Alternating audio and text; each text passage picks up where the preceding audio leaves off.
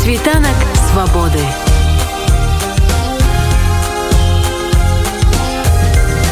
Спіць вольнасці. Учора беларускія актывісткі з розных краін і гарадоў прыядналіся да міжнароднай кампаніі і правялі танцавальны флэшмоб 1 мільярд паўстаўшых на свой флэшмоб беларускі прысвецілі палітвязнямі асабіста вользе гарбуновай кіраўніца адзінага ў беларусі жаночага шэлтара радзіслава ініцыятарка такога флэшмобу ў вільнюсе Юлія міцкевич пракаментавала нам гэтую падзею Мы называем это танцевальный флешмоб в поддержку Оли, который проходит э, в рамках международной кампании One Billion Rising, что переводится как 1 миллиард восставших. И это международная кампания, которая проходит э, на протяжении многих лет в более чем 130 странах мира. И посвящена она проблемам домашнего насилия, насилия против женщин, против девочек, против детей. Проходит она ежегодно 14 февраля, не случайно, день а, Святого Валентина, день, который считается днем всех влюбленных, именно потому что это акция а, на за любовь э, и против любого насилия. И в этом году э, мы решили, в первую очередь, организаторки,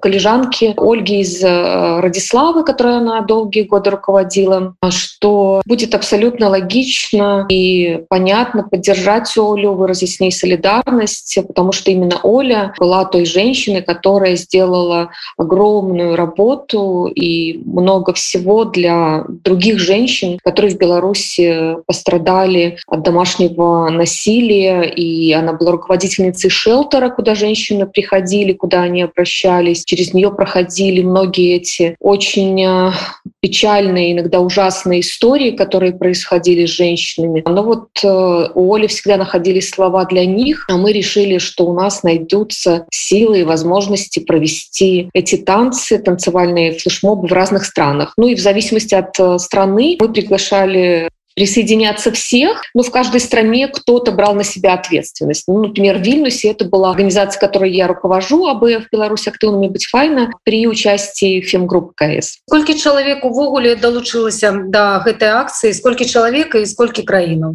Точно не могу сказать. Я знаю, что акции прошли помимо Вильнюса в Кракове, Варшаве, Киеве, Берлине. Собирались э, делать это также в Тбилиси Батуми, но пока я еще не видела фото-видео, но мне кажется, что тоже, да, там девушки делали. В общем, можно сказать так, что везде, где есть белорусские релакантки, которые, так скажем, недавно или какое-то время назад переехали, которые знают, конечно же, Олину историю, эти акции там проходили. Ну и в зависимости от каждого города плюс-минус там 15-20 человек в каждом из городов принимали участие скажите вось гэты сімвал палец уверх як ён нарадзіўся что ён азначае ці маю нейкае асабістае дачыненне даволі этот символ он из танца это танцевальный жест и вот в самом конце когда уже танец заканчивается он как раз заканчивается то есть танец который танцуют девушки одинаковые движения по всему миру да в этом как бы смысл и там есть такие очень правильные определенные слова, почему как бы, да, мы танцуем, почему это с, связано с любовью и против насилия. Там есть такие движения очень разные, в частности, например, там вот сопротивление насильнику, а в конце танец как раз и заканчивается, что все поднимают палец вверх, э, символизируя вот, вот эту вот нашу общую солидарность. И поскольку тоже есть э, с прошлых акций, которые делала Оля, кстати, она была одной из организаторов первой акции в Минске в 2016 году, году. Есть много фото очень классных, где Оля держит этот палец вверх, и мы решили, что это будет тоже очень символично в этом году сделать фотографии. Кстати, да, не только танцевальный флешмоб, но я знаю, что девушки у себя в соцмедиа белорусские выкладывали вот просто э, фотографии себя с этим поднятым пальцем вверх, как бы опять-таки солидаризируясь э, с Олей, чтобы вот так вот выразить э, поддержку и показать, что сила женщин, она действительно огромным ці ёсць у вас звесткі як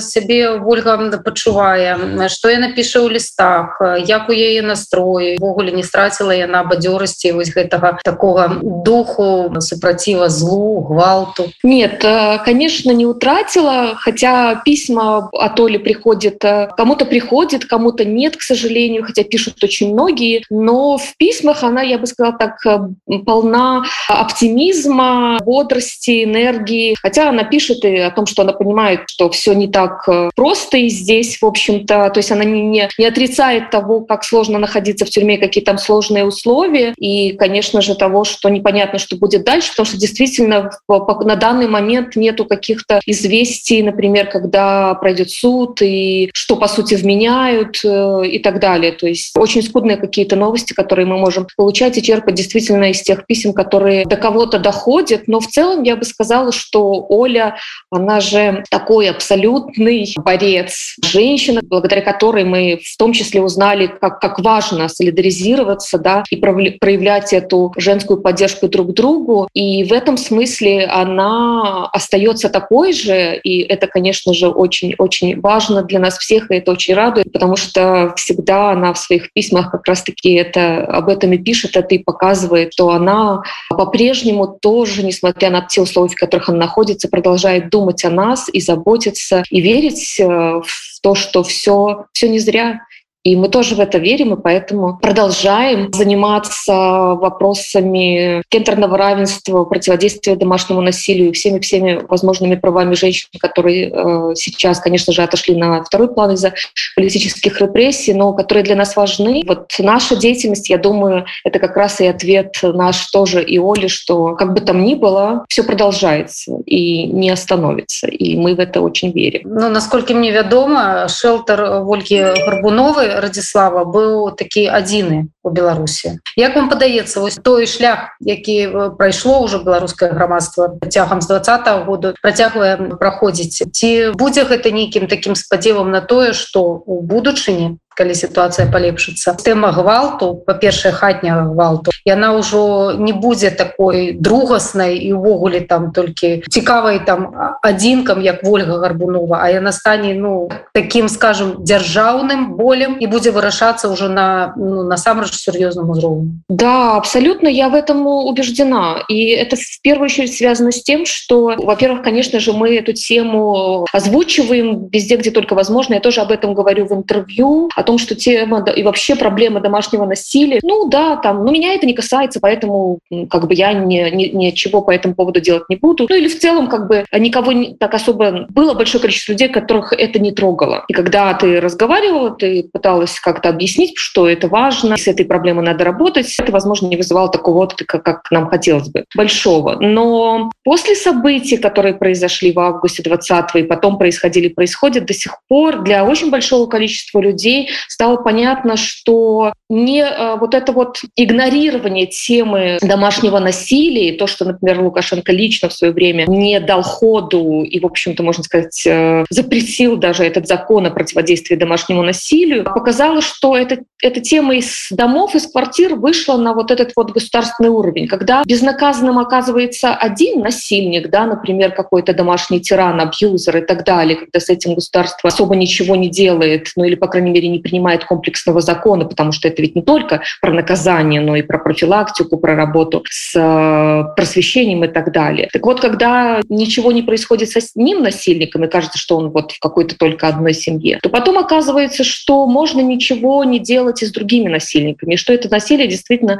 становится на уровне государства, я бы сказала, по сути, сегодня государство выступает в роли этого насильника. И, конечно, для многих людей, особенно которые пострадали, а, которые прошли через эти репрессии, это теперь очевидно. Поэтому видеть эту взаимосвязь между домашним насилием и насилием против политических оппонентов, насилием на государственном уровне разных, разного э, спектра теперь становится более понятно, и поэтому объяснять про это стало как-то более легко, э, и проводить эти параллели тоже стало более заметно и релевантно в той ситуации. Поэтому да, я уверена, что с этим э, мы будем будем работать, э, как только изменится ситуация, изменится. Государственная политика очень динамична и будут происходить изменения. А ці ёсць у вас ужо нейкі план такое паразуменне на роўных узроўнях як праводзіць гэтую працу? Тому что гэтая стыгмавогуле так гэтая тэза про тое что б'е значыць любіць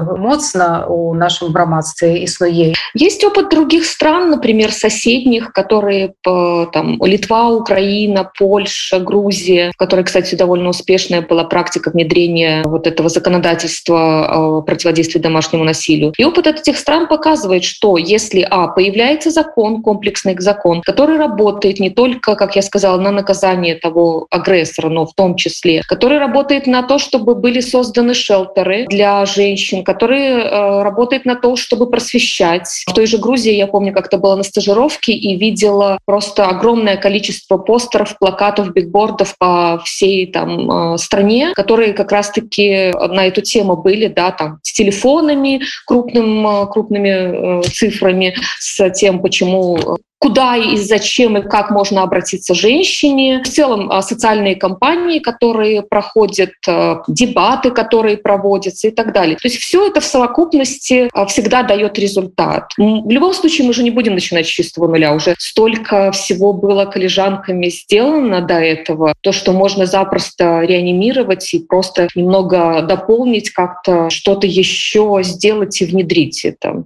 Мне кажется, совсем не сложно. Прыяднанне беларускіх актывістак да міжнароднага флешмобу 1 мільярд паўстаўшых каментавала фм актывістка Юлія Мецкевич. Світанак свабоды.